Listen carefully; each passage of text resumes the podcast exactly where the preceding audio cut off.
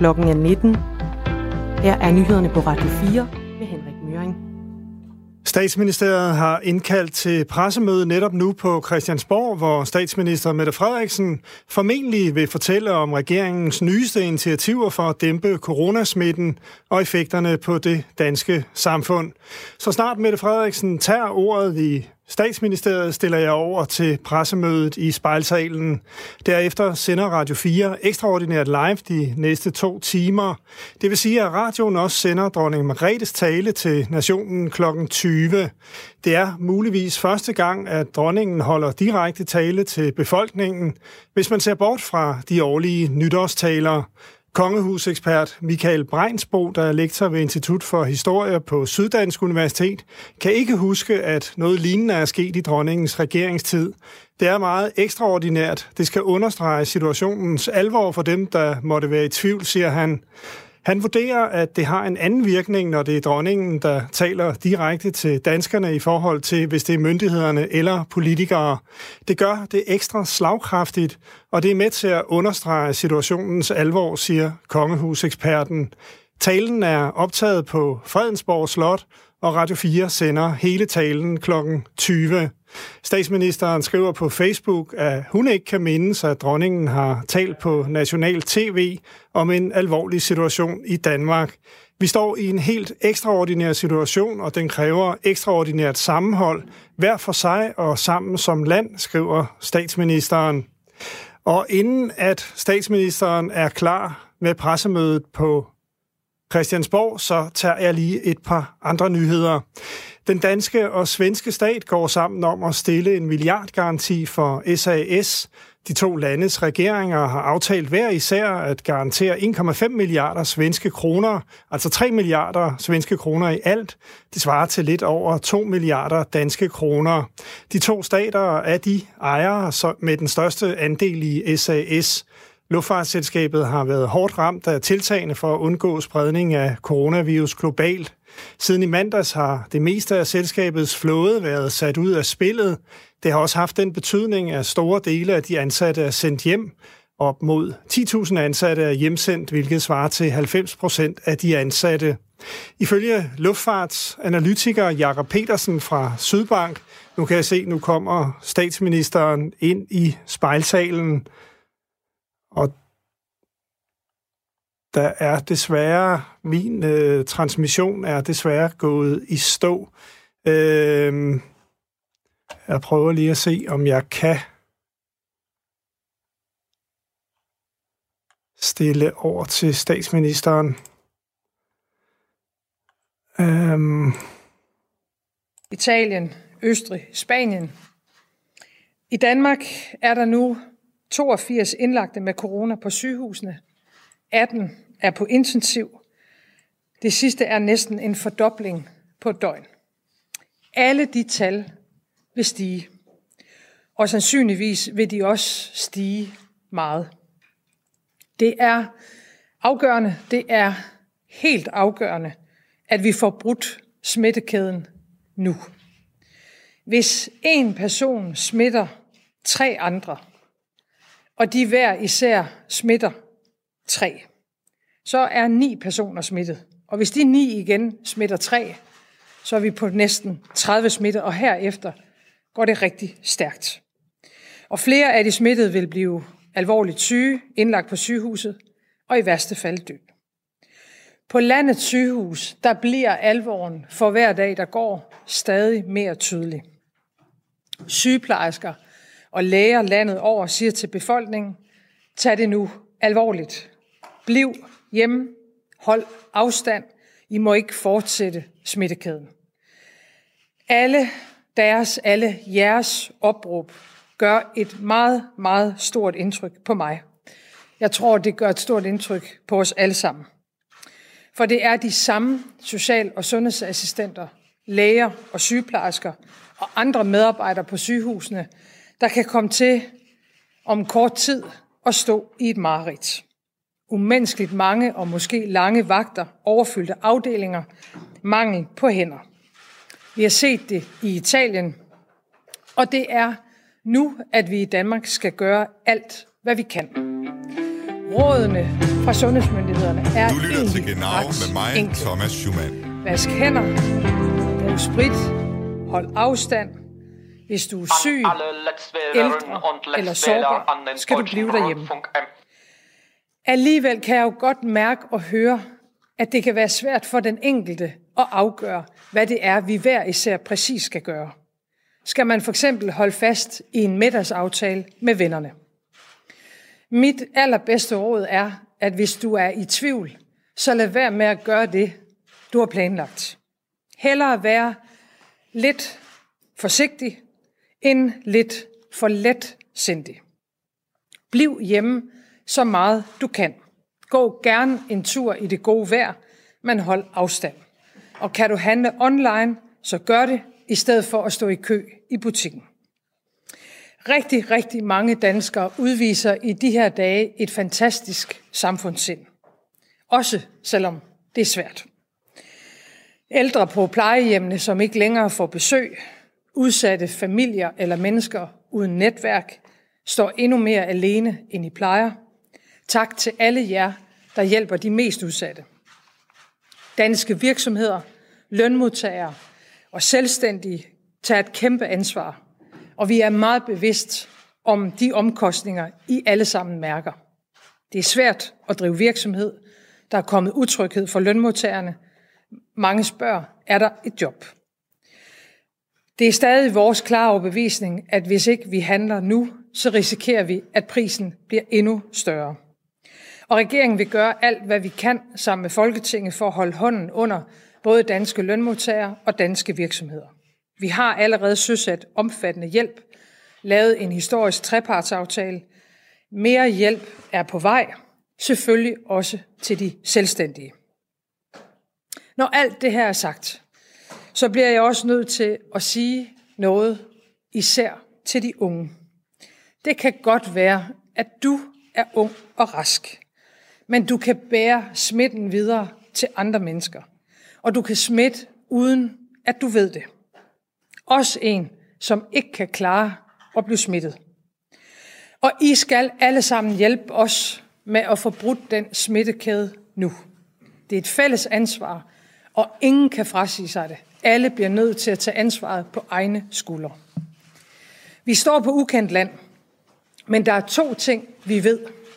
At vi skal holde afstand, og at vi skal sætte tidligt ind. Den sundhedsfaglige vurdering er entydig. Vi skal bryde smittekæderne. Og det er det, vi gør, når vi holder afstand til hinanden. Fra Kina og fra Italien ved vi også, at der er et kapløb med tiden. Jo mere vi sætter ind, jo bedre, og det er udgangspunktet for alt det, vi gør. Oven på den sundhedsfaglige rådgivning og vurdering, og oven på den vurdering og de anbefalinger, vi får fra alle myndigheder, der kommer så det politiske valg.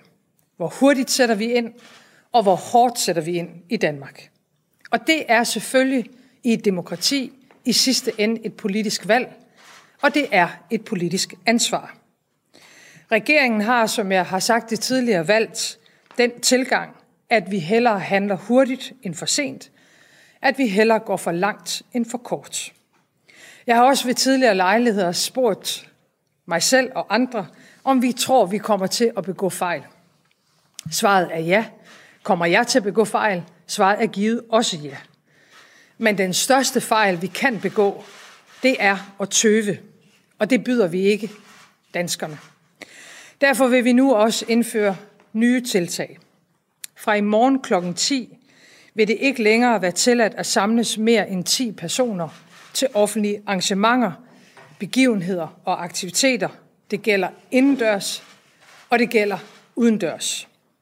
Og jeg vil på det kraftigste opfordre til, at det også gør sig gældende hjemme i privaten. Det er ikke nu, man skal invitere til fødselsdagsarrangementer eller samle mange mennesker. Vi skærper også kravene til butikkerne. I skal have plads nok, og alle kunder skal informeres. Kunder skal kunne vaske hænder og spritte af, og der skal være god afstands, afstand mellem mennesker, også i købssituationer. Det gælder indenfor, når man skal betale eller kigge på varer. Det gælder også udenfor, så der ikke pludselig er kødannelse der. Rigtig mange Butikker har allerede taget gode initiativer. Tak for det. Men nu skal vi have alle butikkerne med.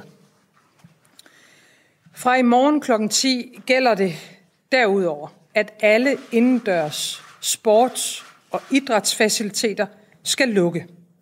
Det gælder fitnesscenter, men det gælder også for eksempel solcentre. Alle frisører, massører, tatoverer, tatovører og andre virksomheder, hvor der er meget tæt kontakt med kunder, skal lukke ned for en periode, medmindre de udfører sundhedsfaglig behandling. Og det betyder selvfølgelig også, at natklubber, diskoteker, bar, værtshuse, vandpipecaféer og den slags skal lukke i en periode. Alle storcentre, overdækkede arkader og andre større shoppingsteder skal lukke. Det gælder dog ikke de dagligvarerbutikker, hvor man i et storcenter går ind for at købe mad. Restauranter, caféer og spisesteder skal lukke for gæster i en periode. Det vil stadig være muligt, at I leverer takeaway, og for dem, der kan det, så kan det jo også være en god måde at holde sin restaurant eller sin café åben. De her nye regler gælder øh, til og med 30. marts i år og følger dermed de øvrige initiativer, der er i gang sat herhjemme. Jeg vil gerne understrege, at det her ikke får betydning for fødevarebutikker, for vareleverancer eller steder, hvor man for eksempel køber sin medicin. Køb ind, som I plejer. Prøv at tage det roligt. Vis ansvarlighed og tag hensyn til hinanden og lad være med at gå i butik på en måde, så I smitter hinanden der. Det her, det bliver ikke let, og vi bliver nødt til at blive ved med at hjælpe hinanden. Jeg ved godt, at de her tiltag vil gøre det endnu sværere for både lønmodtagere og virksomheder, store som små. Og derfor er vi også indstillet på at give endnu mere hjælp. I morgen vil finansministeren indkalde Folketingspartier til forhandlinger om yderligere hjælpepakker. Alle de tiltag, vi tager, selvom de rammer hårdt, så er det fordi, at det er det, vi tror stiller os stærkest, også økonomisk, når vi er på den anden side af det, vi står med nu. Og vi skal holde modet oppe hver især og på hinanden. Det betyder rigtig meget. Og det betyder ikke mindst meget for de mange dygtige medarbejdere, der passer på alle os andre i en svær tid. Jeg ved, at vi stiller store krav til jer, store krav. Tak til alle jer derude, der allerede nu kæmper i sundhedssektoren, ældre- og plejesektoren, og jer, der passer på vores socialt udsatte. Tak til politi og hjemmeværn, og tak til beredskab, og tak til pædagoger og andre, der er i gang med at nødpasse børnene, og alle skolelærer og undervisere, der kæmper for at få fjernundervisning til at fungere. I skal vide, at I har hele Folketingets opbakning. Venstre, Socialdemokratiet, Dansk Folkeparti, Radikale, SF, Enhedslisten, det konservative Folkeparti, Alternativet, Ny Borgerlige, Liberal Alliance. Alle står bag jer, og I har danskernes sympati. Jeg er hele tiden i tæt kontakt med øh, partilederne. Vi har en god, også travl øh, dialog. Vi har talt sammen så sent som i dag. Tak for opbakningen. Jeg er også i tæt dialog med regeringschefer for resten af EU. Vi koordinerer så godt som muligt. Vi har haft videomøde så sent som i dag.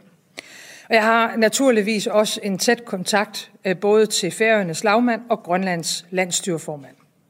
Særligt Færøerne er nu også hårdt ramt med 47 smittet ud af godt 50.000 indbyggere. Grønland er også ramt. Jeg er bekymret for udviklingen begge steder, og derfor en direkte appel til vores tætte familie i rigsfællesskabet. Sæt ind nu med alt, hvad I har.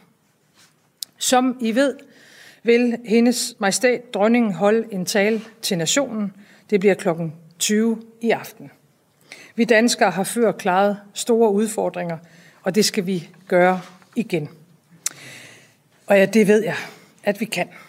Og med de ord vil jeg give ordet videre i første omgang til sundhedsministeren. Tak for det. Vi kan nu konstatere, at epidemien er i gang i Danmark. Virus er her, og virus smitter med stor hast. Vi kan også konstatere, at det er umuligt for noget land at stoppe virus og stoppe epidemien.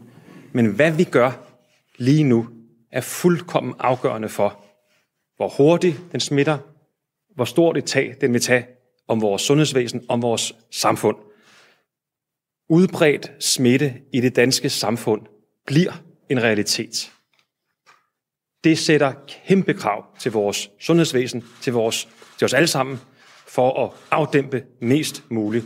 Situationen lige nu i vores sundhedsvæsen er den, som statsministeren nævnte, at vi lige nu har 82 indlagte, de 18 af dem på intensive afdelinger. Hvis smitten får lov til at brede sig, og hvis vi ikke handler, så er der intet sundhedsvæsen i verden, heller ikke det danske, som vil kunne klare en sådan belastning på så kort tid, så få uger. Kurven bliver simpelthen for stejl, godt også for det danske sundhedsvæsen. Derfor er det helt afgørende, at vi sætter ind, gør vi fra samfundets side, men også at hver enkelt sætter ind og tager det her til sig. Og det skal ske nu. Mens vi arbejder med det, så arbejder man målrettet i vores sundhedsvæsen for at udnytte hver eneste dag, hver eneste time på at give op, på at opruste på kapacitet, på kritisk kapacitet. Det er respiratorer, det er hænder, medarbejdere, det er værnemidler, det er testkapacitet. Konkret kan jeg oplyse, at vi nu er på respiratordelen oppe på at have 954 respiratorer, som vi stod klar kunne frigøres til at håndtere coronavirus. 954 respiratorer. Og så vil der stadig være respiratorer til at varetage de andre opgaver. Øh, cancerpatienter, hjertepatienter, stroke med mere, som de normalt gør. Vi har også købt mere testkapacitet til vores maskiner. Det betyder, at vi kan teste mere, og vi kan teste hurtigere. Og hastighed er afgørende her. Hastighed er afgørende her. Danmark er med sammen med EU i et fælles stærkt indkøb på verdensmarkedet af test, af værnemidler og af respiratorer. Det arbejder der på i dag, og det er aftalt dags dato. I vores regioner er der lavet jobbanker for at få flere medarbejdere ind. Hver region har lavet jobbanker, hvor man kan melde sig, hvis man har en sundhedsfaglig uddannelse.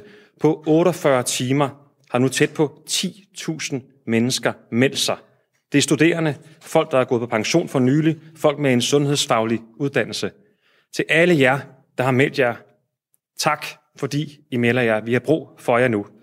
Og til alle andre i vores sundhedsvæsen og vores ældrepleje derude, der knokler i de her timer, i de her dage og nætter, og som kan se foran sig nogle uger, hvor vi har brug for jer. Samfundet er jer dybt taknemmelige.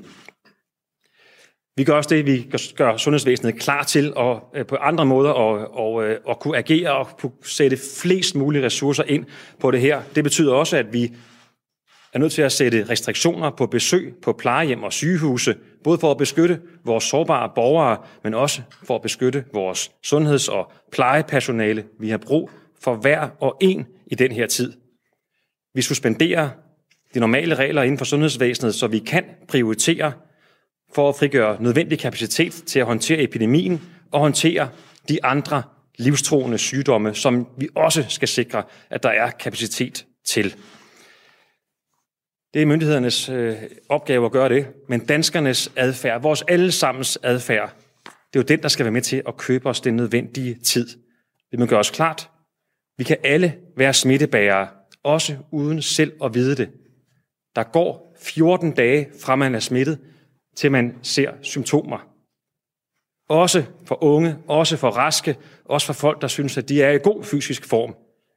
Og derfor, hver gang man er i tæt fysisk selskab med et andet menneske, et familiemedlem, en ven, en kollega, udvider man sin potentielle smittekreds.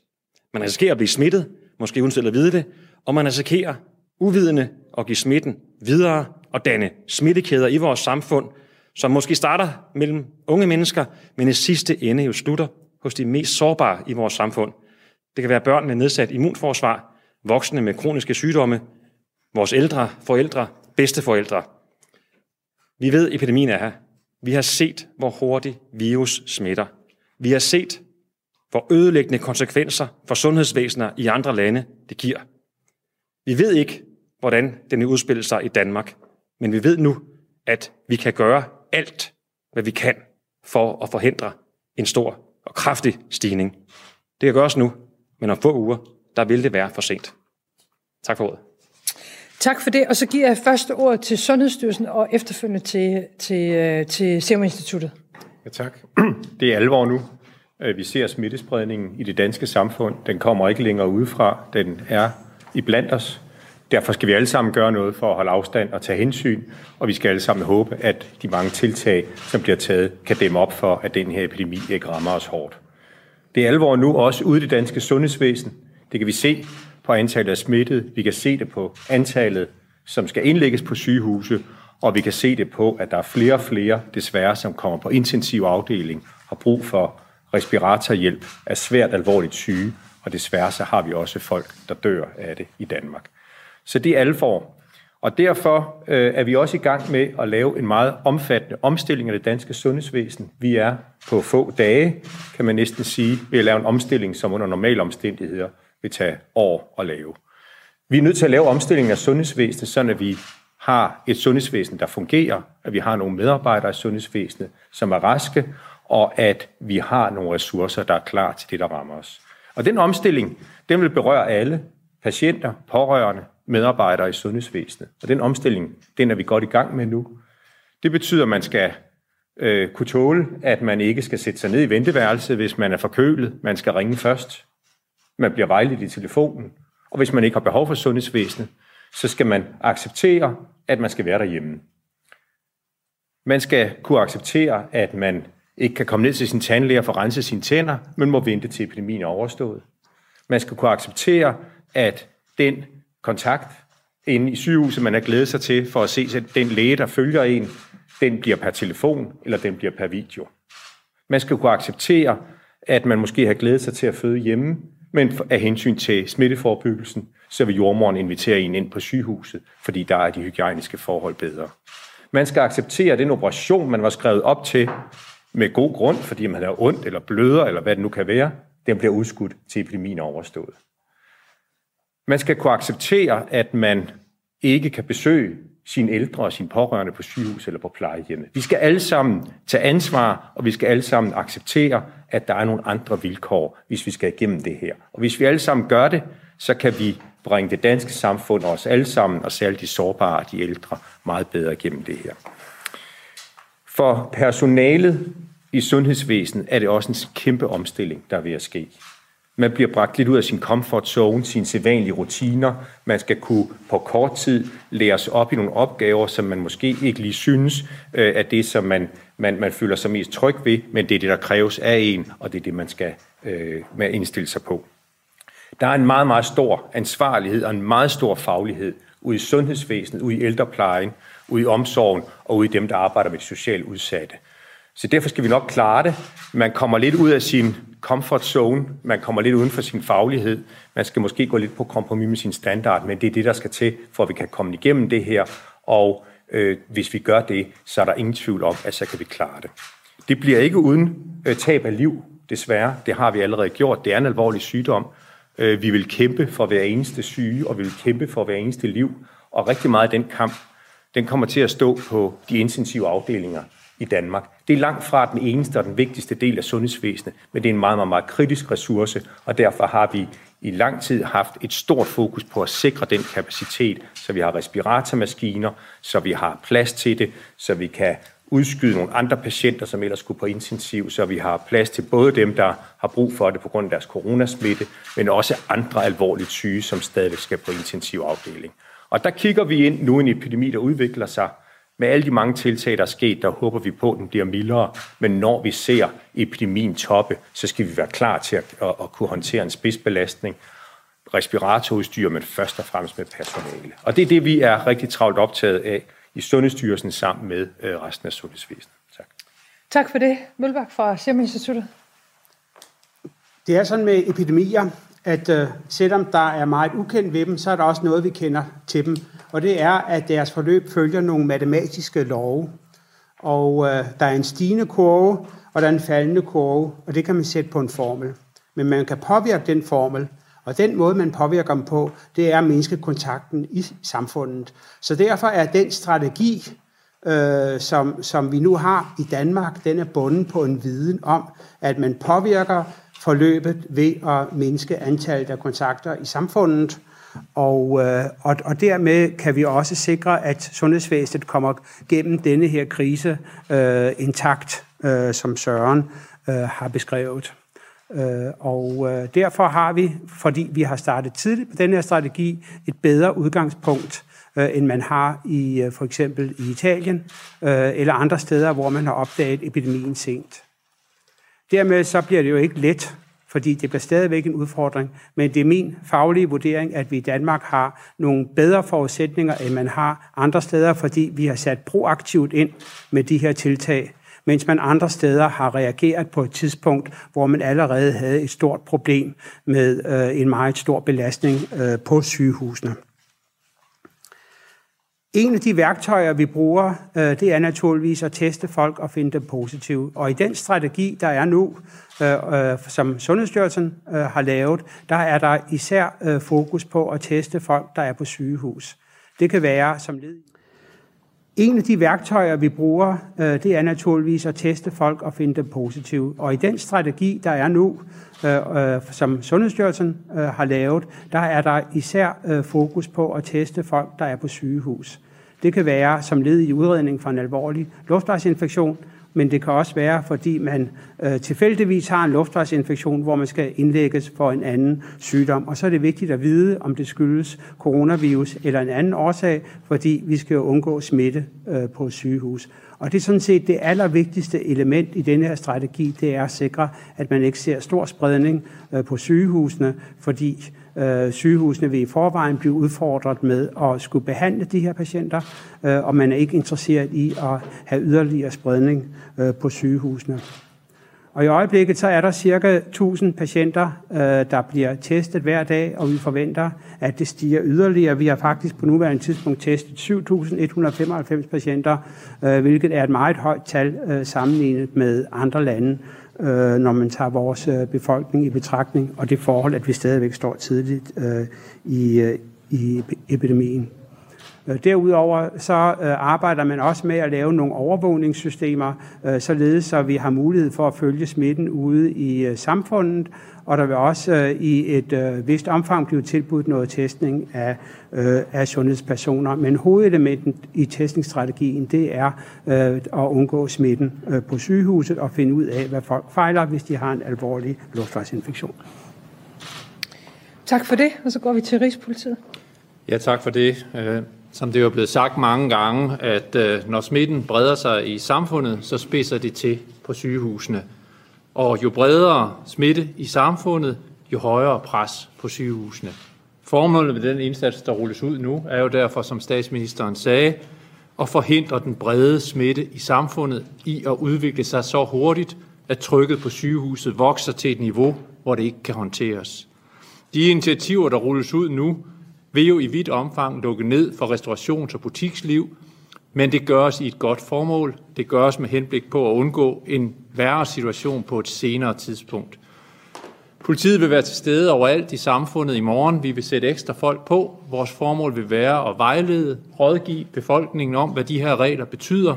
Hvad betyder det i praksis? Der vil selvfølgelig opstå en lang række afgrænsningsspørgsmål, som politiet vil samle ind, og som vi vil bruge til at udarbejde den vejledning, som skal give borgerne mulighed for at rette sig efter det her.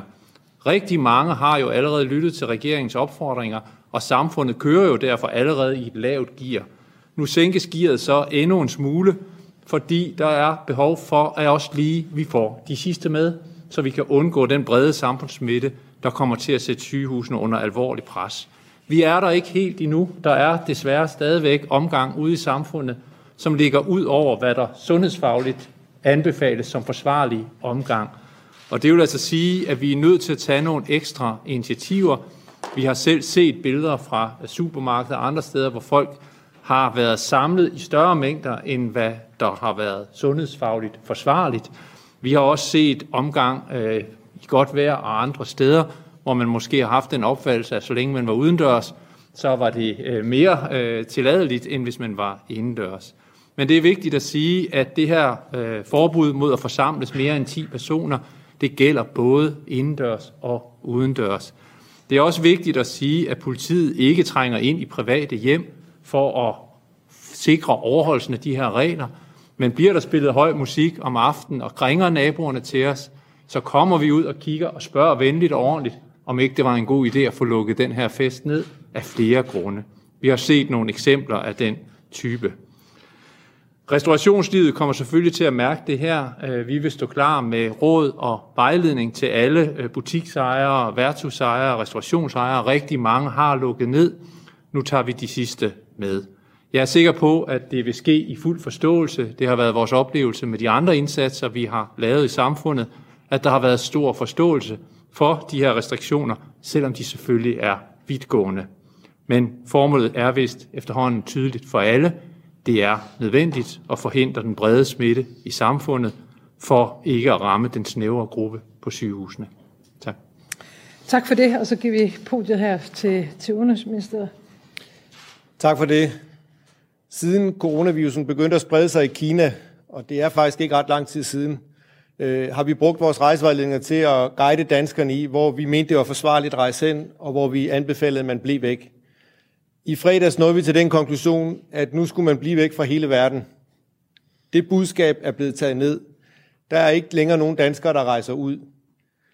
I den periode har vi brugt vores verdenskort til at farve gradvist mørkere og mørkere, og nu ved alle, at orange betyder blive hjemme. Derfor suspenderer vi fra i dag vores verdenskort. Det giver ikke mere mening at lave nye farver på kortet. Alle er blevet hjemme. Alle har forstået budskabet. Så vi holder op med at, at lægge nye farver på, på vores kort. Bliv hjemme.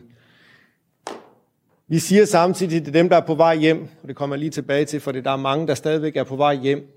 Men alle jer, der kommer hjem fra udlandet over den næste uge, 10 dage, 14 dage, når I lander i Danmark, så bliv hjemme i 14 dage, så I er sikre på, at I ikke bringer smitte med ind og bringer den ud i samfundet. Ellers vil man underminere alt det andet, der nu bliver sat i værk, hvilket vil være øh, virkelig, virkelig uheldigt. Og til alle jer, der stadigvæk er på vej hjem, så konstaterer vi desværre nu dag for dag, time for time, at verden er ved at lukke fuldstændig ned. Mange lande tager de samme skridt, som vi gør for at begrænse smittespredning. Det påvirker desværre bare dem, som ikke er nået hjem endnu. Der er stadigvæk fly, der er på vej til Kastrup. Der er stadigvæk åbne grænser, når man er på vej hjem fra ferie, men de vinduer lukker ned, og de gør det hurtigt. Derfor skal man skynde sig hjem. Vi har omkring 100.000 mennesker ude i verden, der har registreret sig på det, vi kalder danskerlisten. Vi tror ikke, de alle sammen gerne vil hjem. Mange af dem tror vi faktisk er landet i, øh, i Danmark allerede. Og derfor vil jeg gen, gen, gentage den bøn, jeg gav i går, om at hvis man er kommet til Danmark, så får jeg meldt af listen så ved vi i Udenrigsministeriet, hvem der er derude, og som har brug for vores støtte. Vi har i øjeblikket cirka 1000 danskere, der er registreret i det, vi kalder vores krisedatabase. Det er dem, der ikke kun er bekymrede, fordi det er de alle sammen. Det er vi alle sammen. Men det er dem, der virkelig har problemer, som er strandet. Det er dem, vi gerne vil fokusere på. Så jer, der bare er bekymrede, siger vi, vi forstår jeres bekymringer, og I må gerne henvende jer til os, hvis I virkelig, virkelig strander. Men lige nu vil vi gerne fokusere på dem, der altså for alvor ikke kan komme hjem og finde løsninger for dem. Og det gælder en række problemområder. De fleste har hørt om Marokko. Her er vi ved at finde løsninger. Jeg tror, vi får alle danskerne hjem inden for de næste to døgn. I Latinamerika har vi større udfordringer, fordi vi ikke er til stede i særligt øh, stort omfang. Her skal vi have fundet løsninger. På Filippinerne er der mange danskere, som ikke kan komme ud. Dem skal vi have hjem. Det arbejder Udenrigsministeriet på i døgndrift. Alle ambassader er, er i gang hjælper danskere derude, vi finder løsninger, og vi gør det sammen med rejsebranchen, som tager et kæmpe ansvar. Selvom de taber penge døgnet rundt i øjeblikket, så bliver de ved og ved, indtil vi får danskerne hjem. Tak for det. Desværre må jeg også sige, at det er min egen, mit eget bud, at der er nogle danskere, der vil ende med at strande derude. Jeg tror simpelthen, der er vinduer, der lukker så kraftigt, at vi ikke kan få dem ud. De skal finde et godt sted at være, der hvor de er, og så vente på, at det her det går over. Så henter vi jer hjem, eller finder løsninger på det tidspunkt. Tak. Godt, tak for det. Øh, normalvis så bestræber jeg mig på, at vi svarer på alle spørgsmål, og der er også ved de langt, langt de fleste pressemøder mulighed for opfølgende spørgsmål. Vi kommer til i dag at slutte kl. 19.58. Øh, så måske vil I også tage lidt hensyn til hinanden nu og, og nøjes med et, et enkelt eller, eller halvandet øh, spørgsmål, så der bliver mulighed for alle medier. Tak for det. Øh, vi starter med TV2 og så Danmarks Radio. Yes, øh, halvandet spørgsmål herfra, så han træder op til to. Øh, Mette Frederiksen, øh, først og fremmest til dig. Øh, I går langt, siger du, øh, og det gør I jo også helt åbenlyst, men I går jo ikke nødvendigvis lige så langt som nogle andre lande. Øh, som jeg har forstået det, har et land som Frankrig indført et egentligt udgangsforbud, så man ikke, som du siger, må gå en tur i, øh, i naturen. Hvorfor går I ikke hele vejen? Kan du prøve at sætte lidt ord på det? Og så et, et kort spørgsmål til, til Søren Brostrøm. Øh, vi har jo hidtil hørt, at den her coronasmitte er øh, livsfarlig primært for øh, øh, ældre øh, personer. Nu har vi jo, kan man sige, et grundlag at tale ud fra, også i Danmark i og med, der er over 80, som vi forstår det, indlagte på øh, de danske sygehuse. Kan du prøve at tale lidt om aldersprofilen øh, hos dem? Er det alle sammen ældre, eller er der også folk i 50'erne, i 40'erne, i blandt de indlagte? Du lytter til Radio 4. Jeg hedder Claus Elgaard. Det er knap så interessant i denne her sammenhæng. Langt mere interessant er det, at vi netop er blevet færdige med et pressemøde med den danske statsminister Mette Frederiksen, øh, som har fortalt og færdiggjort, hvad det er øh, for nogle tiltag, og hvad det er for nogle restriktioner, øh, som øh, der er blevet sat i værk. Regeringen har, som jeg har sagt det tidligere, valgt den tilgang, at vi hellere handler hurtigt end for sent, at vi hellere går for langt end for kort. Og sådan lød det blandt andet altså fra statsminister Mette Frederiksen på pressemødet, som øh, netop er blevet færdigt. Lige nu er der spørgsmål fra salen, og vi vender tilbage til vores reporter, som øh, vi har derovre. Men for jer, der lige er kommet ind i det, og ikke har hørt det fra start af, lad os lige summere en lille smule op om, øh, hvad, det, hvad de vigtigste budskaber var. Blandt andet fra i morgen bliver det forbudt, der bliver forbud mod grupper med flere end 10 personer. Det vil være fra i morgen klokken 10. Restauranter og sportsfaciliteter og frisører, de må lukke, og det gælder også fra i morgen klokken 10. Alle indendørs sports- og idrætsfaciliteter skal lukke ned. Frisører, som nævnt, massører og tatovører skal lukke ned for en periode, medmindre at de udfører det, man kalder sundhedsfaglig behandling.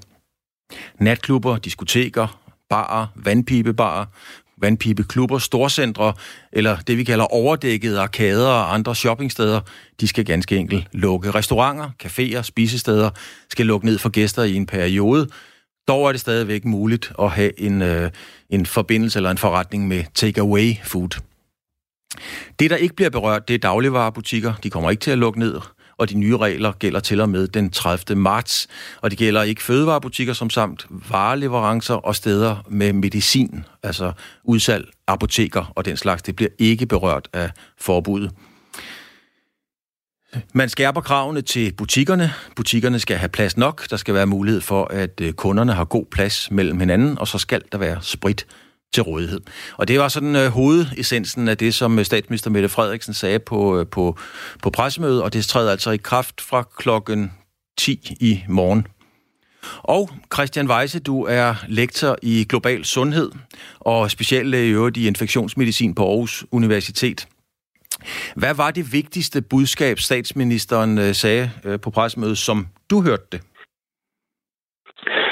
Jeg synes, det var øh, dejligt, at det, var, det blev mere klart. Der var en masse ting, de har gået og snakket om de sidste dage. Kan man, kan man nu mødes øh, 99 mennesker? Kan man nu øh, øh, øh, komme sammen i, i, i små grupper? Øh, er det okay? Der, der, var, der, øh, der blev gjort mere klart, hvad er det, vi skal overholde.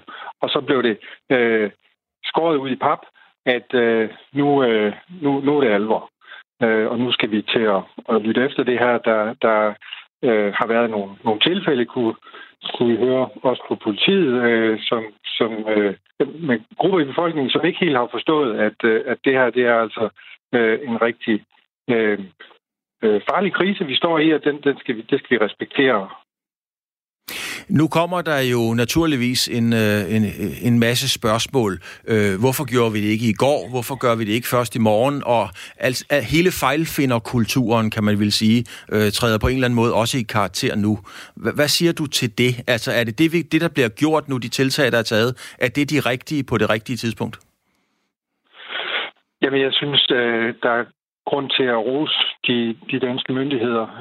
Jeg synes, vi har nogle mulige politikere, som, øh, som sætter ind i tide. Det har jeg øh, øh, jagtet hele vejen igennem, at, at, at det her det, øh, det er præget af øh, rettidig omhu i høj grad. Øh, man kan altid være bagklog, man kan altid sige, skulle vi have gjort det her noget før. Øh, jeg synes faktisk, at, øh, at, øh, at det, det, det er spildt krudt at sidde og, og, og fedt med det og finde hår i suppen. Altså nu, nu skal vi øh, tage bestik af, hvad er situationen lige nu. Øh, situationen er alvorlig. Vi har øh, rigtig mange syge på sygehusene. Øh, det oplever jeg også selv, når øh, ja, jeg går på, på sygehuset hver dag. Øh, og det, øh, det er vigtigt, at vi nu øh, lytter til de her øh, meget simple råd i virkeligheden.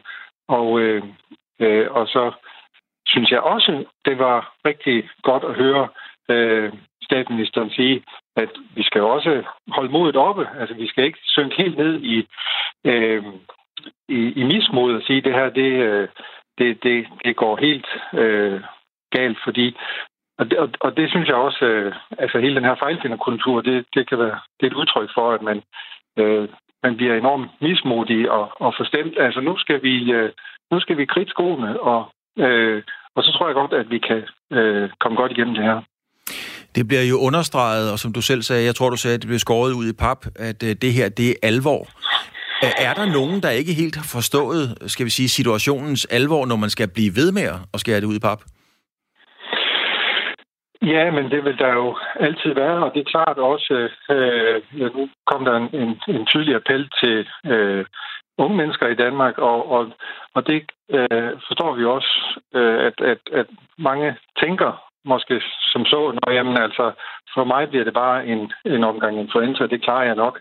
Men der er noget, noget, øh, noget større på spil her, og, og, og der er rigtig øh, meget smitte. Det er en meget smitsom virus, og derfor så, øh, så handler det ikke bare om os selv, og det, det, det, øh, vi kan ikke garantere, hvis, øh, hvis vi selv bliver smittet øh, på grund af uforsigtighed, øh, at vi ikke også kommer til at, at smitte øh, øh, nogle af vores nærmeste eller øh, eller øh, nogle andre, vi, vi er i kontakt med. Øh, så, så derfor synes jeg, det var en, det var en, øh, det var på sin plads at komme med, med øh, nogle, nogle klare opfordringer til, til dem, der ikke har forstået budskabet endnu. Der har været spekulationer om, øh, øh, kunne man vende det her om, og så inddæmme, inddæmme dem, der er i risikozonen? Øh, ja, altså, jamen, men, men er det ikke også det, vi gør? Altså, øh, man, man, man siger jo, bliv hjemme, øh, og, øh, og hvis du er i særlig risiko, så skal du øh, passe ekstra på dig selv. Altså, jeg, jeg synes da, jeg synes da også, det er at inddæmme øh, dem, der er i risiko. Christian. Der er også mange frivillige, der hjælper øh, med at købe ind, for eksempel til, til nogen, der ikke øh, selv vil, vil gå ud og købe ind, fordi de er i særlig risiko. Christian Weise, lektor i global sundhed, speciallæge i infektionsmedicin ved Aarhus Universitet. Tak skal du have, fordi at, uh, du har tid til at være med. Og du lytter til Radio 4. Vi er i gang med en ekstra udsendelse i forbindelse med statsminister Mette Frederiksens pressemøde, der netop er færdigt. Og skal jeg lige summere op en gang til på, hvad statsministeren blandt andet sagde at der bliver forbud mod grupper på mere end 10 personer, og det gælder rent faktisk også i privat sammenhæng. Det er både indendørs og udendørs, og det er fra i morgen kl. 10. Der vil det ikke længere være tilladt at samles, altså i grupper på mere end 10 personer. Restauranter, sportsfaciliteter og frisører eksempelvis må lukke.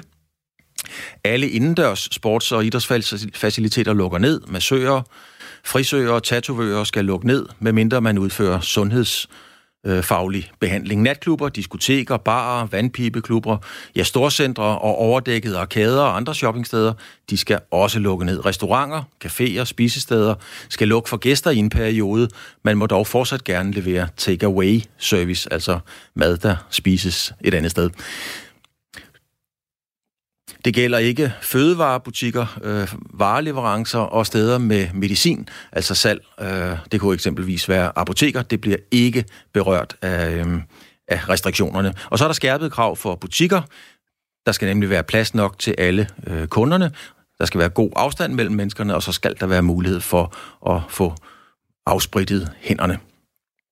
Så skal vi have fat i Christian Magnus. Christian, øh, du er reporter her på Radio 4, og lige nu befinder du dig på Amager, i landets største indkøbscenter i Fields, og det er et af de steder, der har været run på i onsdags, da Mette Frederiksen holdt øh, pressemøder. Øh, folk fik travlt med at gøre deres indkøb. Hvad er status derude efter aftens pressemøde, Christian Magnus? folk har ikke fået travlt endnu. Altså lige nu, der står jeg foran øh, vel nok Danmarks mest eftertragtede vare, altså toiletpapir. Og der er masser. Der er ikke nogen køer. Øh, og der er både køkkenruller øh, og toiletpapir til dem, der, øh, til dem, der måtte ønske at indkøbe det i den øh, nærmeste fremtid. Så vi har altså ikke, i hvert fald ikke endnu, set, øh, set de effekter, som vi så af Mette Frederiksens første pressemøde i onsdags, hvor vi, hvor vi kunne se folk, der øh, købte ind til nok mere, end hvad de havde brug for. Okay. Øh, derudover så er det jo, altså Skandinavien, som du rigtig siger, Claus, Skandinaviens næststørste øh, indkøbscenter, Danmarks største, Øh, og jeg har talt med både, øh, både medarbejdere i Fedder BR, Elgiganten og Magasin. Og de var, havde altså endnu ikke øh, fået at vide, at, øh, at de ikke skulle komme på arbejde i morgen. Øh, så de havde ikke så meget lyst til at udtale sig. De gik ud fra, at de nok får at vide af, af nærmeste chef, hvad der skal ske.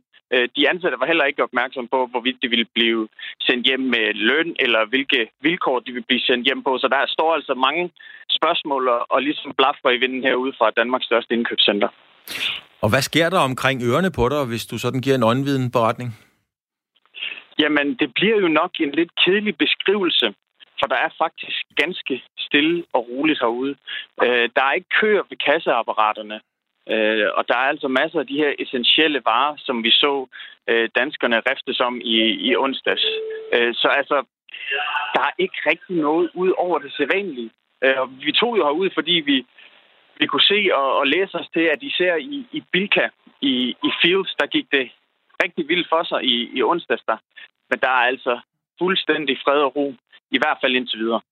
Ja, indtil videre, men nu er det jo heller ikke mange minutter siden, at øh, statsminister Mette Frederiksen hun kom øh, med sit budskab. Hun lagde dog meget, meget vægt på og, og, og betonede meget kraftigt, at fødevareleverancer og forsyninger, de på ingen måde ville blive berørt, og det ville, øh, det ville medicin, salg, håndkøb osv.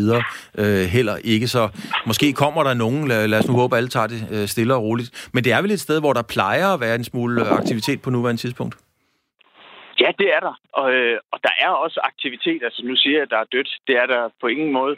Men altså, der er ikke øh, nogen indkøbende, der har travlt. De går bare og trisser rundt med deres, øh, deres indkøbsvogne, som ikke er fyldt til toppen.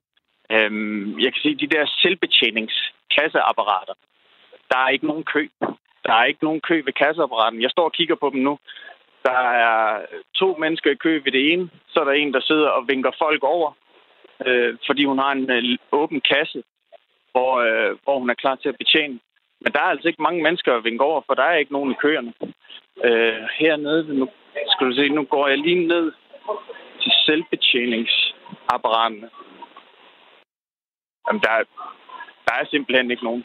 Jamen, altså, men Christian Magnus, øh, det kan være, at der kommer nogen, også for ligesom at, at høre, så du kan snakke med dem om, øh, reaktionen har været på, på det her, for du bliver derude, og vi er jo stadigvæk i luften her et øh, stykke tid nu frem til klokken 21. Så i første omgang, Christian Magnus, du bliver, hvor du er, øh, får fat i nogle folk, og tak for rapporten øh, lige i denne her omgang. Michael Bang skal vi møde nu. Han er professor i institut, på Institut for Statskundskab ved Aarhus Universitet. Og Michael Bang, du har jo helt sikkert også, eller jeg ved, du har siddet og hørt statsminister Mette Frederiksens øh, øh tale, eller skal vi sige restriktioner. Øh, hvad var det, du bed allermest mærke i i statsministerens øh, tale? Jamen, jeg, jeg tror, øh, det første, jeg blev mærke i, det var, at der ikke kom et øh, udgangsforbud, øh, men at der kom øh, andre typer af restriktioner, og derudover så kom der nogle meget, meget klare øh, meldinger om, hvad det er, man øh, må og ikke må som borger. Hvorfor, Michael Bang, blev du overrasket over, at der ikke kom et udgangsforbud? Jamen, det er fordi, jeg tænkte, at øh, der var lagt sådan en, en, øh, en pressemødemæssig øh, trætrinsraket øh, klar, så kom fødevareministeren ud tidligere, i dagen, øh, tidligere på dagen og sagde, at der er mad nok. Øh, så øh, kom, øh, ville statsministeren komme og sige, øh, der er udgangsforbud, og så vil øh, dronningen til sidst der kl. 8 komme og sige, og det skal nok gå øh, alt sammen alligevel. Øh, så, så der var lagt lidt op, øh, op til det. Øh, øhm, og også fordi der har været noget øh, øh, fokus, der har øh, været en del fokus i medierne på, at der er øh, grupper i samfundet, som ikke overholder retningslinjerne fra øh, myndighederne. Og man kan sige, at det, som så var dronning, eller undskyld, øh, statsministerens øh, valg, det var i højere grad at nå dem, dels ved at lave nogle, nogle tiltag, som øh, gjorde det, gjorde det endnu sværere at øh, ikke holde afstand og komme tæt på hinanden i samfundet, nemlig at lukke øh, bare restauranter ned eksempelvis, men så også at tale øh, mere direkte også til de unge om, hvor vigtigt det er, at man holder afstand. Hvad er det så for en, øh, hvad er det for en fase, vi går ind i nu med, med de nye restriktioner? Ja, man kan sige egentlig, så øh, er, det, er det lidt mere af øh, det samme. Øh, der er selvfølgelig nogle øh, forretningsdrivende, ikke mindst nogle restaurantejere og barejers øh, øh, liv, som, øh, hvor der sker nogle, nogle ændringer. Men for den almindelige borger, så er det lidt mere af det samme, at fastholde fokuset på at holde afstand, mens vi gør os klar til, at epidemien rammer.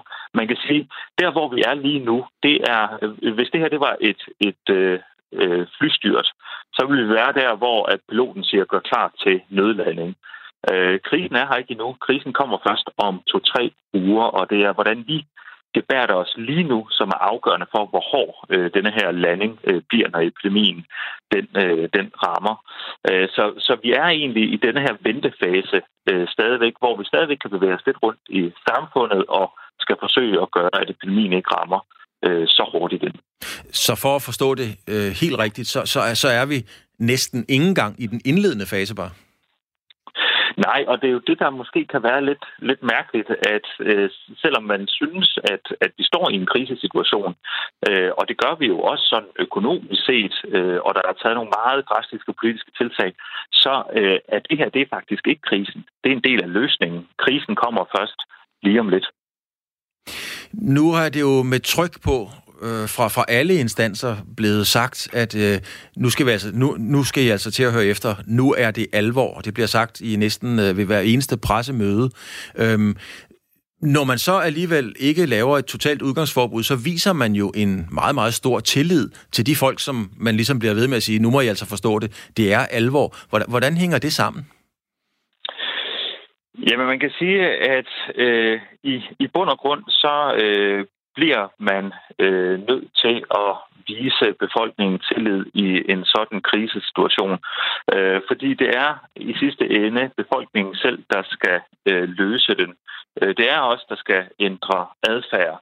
Øh, så på den måde, så, så bliver man nødt til at vise befolkningen tillid. Og jeg tænker egentlig, at øh, statsministerens øh, udmelding her var øh, var, var afbalanceret, eller reaktionen her var afbalanceret og kan være med til på sigt at sikre en, en opbakning i forhold til myndighederne. Og det kan blive rigtig, rigtig vigtigt, at der er opbakning øh, i befolkningen, når, øh, når den egentlige epidemi øh, rammer. Øh, man kunne godt forestille sig, at folk ville have syntes, at det var øh, lige voldsomt nok, øh, hvis vi skulle have et decideret udgangsforbud øh, lige nu. Hvad, hvad er, øh, Michael Bang, hvad er egentlig din øh, allerstørste bekymring ved det scenarie, som øh, ikke bare udspiller sig, men som jo først skal i gang til for alvor at udspille sig? Jamen, min, min største bekymring er, øh, hvor godt styr vi egentlig har på øh, folks øh, adfærd. Altså, hvor mange er det rent faktisk, der ikke overholder myndighedernes råd? Hvor mange øh, forsamlinger øh, er der i de små private hjem øh, derude. Hvor mange fester øh, arrangerer gymnasieeleverne øh, her i den kommende øh, weekend. Og, og igen, fordi det er den adfærd, der er lige nu, som kommer til at, at øh, skabe øh, epidemien, når den rammer om, om to uger. Så det er min bekymring, om myndighederne helt har øh, styr nok på det, og om de øh, har fået alle øh, de ting ind i deres beregninger om, hvor stejl den her smittekurve bliver, og om øh, hospitalskapaciteten rent faktisk øh, kan holde. Var der noget i udmeldingerne, var der noget i retorikken, der gjorde dig tryg ved, at, øh, at sundhedssektoren har fuldstændig overblik og er klar til det, som du mener ikke er startet endnu? Øh, jamen, øh, jeg, synes, øh, jeg synes ikke, der kom nye meldinger øh, ud øh, om omkring det, øh, som ligesom øgede min, min, øh, min tiltro. Det, som øh, jeg øh, i hvert fald som forsker utrolig gerne ville se, det er de rent konkrete øh, beregninger, som, øh, som Sundhedsstyrelsen øh, arbejder med. Øh, og, og ikke mindst de forskellige usikkerhedsfaktorer, øh, de lægger, lægger ind, fordi de har lagt deres risikovurderinger øh, ud, men det vil være utrolig rart at se, øh, øh, hvad gør øh, det eksempelvis, at borgerne øh, de har, har lidt tættere kontakt end godt er. Hvad gør det rent faktisk for vores øh, beregninger øh, om, hvad der sker om to uger? Så vi vil gerne se de mere præcise beregninger bag de risikoanalyser, der bliver lagt ud, og hvad det er for nogle antagelser, man øh, gør sig. Michael Bang, professor i Institut for Statskundskab ved Aarhus Universitet. Tak fordi du havde tid til at være med. Velbekomme.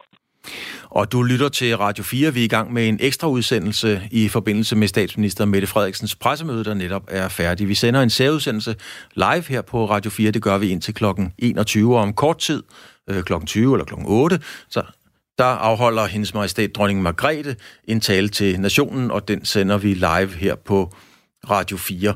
Og så tror jeg, at vi har øh, Horesta med på telefonen. Og Horesta, det er jo, hvem har jeg med på linjen?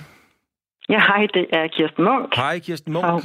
Hej. Hej, Kirsten Munk. Ja, det går lidt stærkt, øh, Kirsten Munk. Øh, vi hørte jo altså barer, øh, restaurationer, alt det, som du egentlig er, er som hører under uh, Horesta, uh, bliver ramt. Mm. Det må man jo gå ud fra.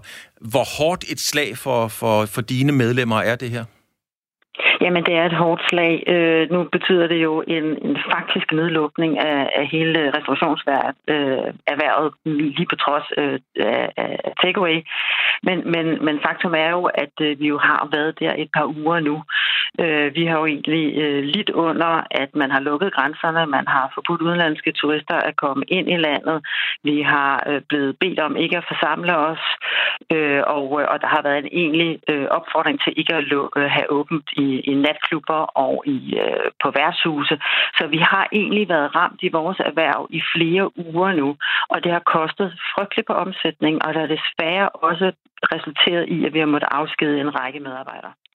Men det her, det er jo et øh, samfundsmæssigt problem, og Horesta er jo selvfølgelig også en del af samfundet, og det er voldsomt ærgerligt for jeres øh, 15.000, øh, der er 15.000 øh, beskæftigede under Horesta, kan man sige. Æh, er det ikke også jeres pligt, er det ikke også jeres pligt at gå ind og være med til at tage skraldet på det her? Jeg kan love dig, at vi, øh, vi opfordrer vores medlemmer til at følge de anbefalinger og de øh, retningslinjer, der kommer fra myndighedernes side af. Der er 100.000 beskæftigede i restauranterhvervet. Det vi har øh, sagt, det er, at der er desværre allerede 15, øh, 15.000 øh, af dem, som er blevet afskedet, øh, som det er nu. Og det vi frygter for, er jo selvfølgelig, at med ingen omsætning i vores erhverv, så kommer vi ud i en situation, hvor vi, øh, hvor vi kæmper for overlevelse af vores forretning, og vi desværre også bliver nødt til at sige farvel til flere af vores medarbejdere.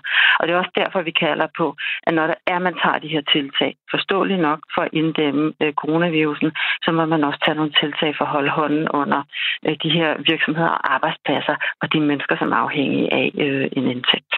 Og I de seneste dage, der har regeringen jo ragt en økonomisk, skal vi sige, hjælpende hånd ud til blandt andet jeres medlemmer i hotel- og restaurationsbranchen.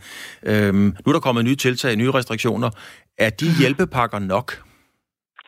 De hjælpepakker, der er, blevet, øh, der er kommet fra regeringen, og det vil jeg gerne takke for, at vi synes, de har været lydhør, har jo været generelt myndet på hele dansk erhvervsliv. Og nu må vi bare sige, når nu er vi egentlig får et forbud imod øh, at åbne, så kalder vi egentlig på, at der er brug for en målrettet indsats, der går på, øh, på de hoteller, der er ramt af, at grænsen er lukket, på de restauranter, øh, caféer, natklubber, som slet ikke må åbne. Øh, det her det får en, en stor økonomisk konsekvens for dem. Er du overrasket over, at det her tiltag er kommet i det her omfang? Øh, det er jo øh, regeringen. Vi må stole på øh, den, de anbefalinger, der kommer fra sundhedsmyndighederne, og den beslutning, øh, regeringen træffer her, og det, det retter vi os selvfølgelig efter.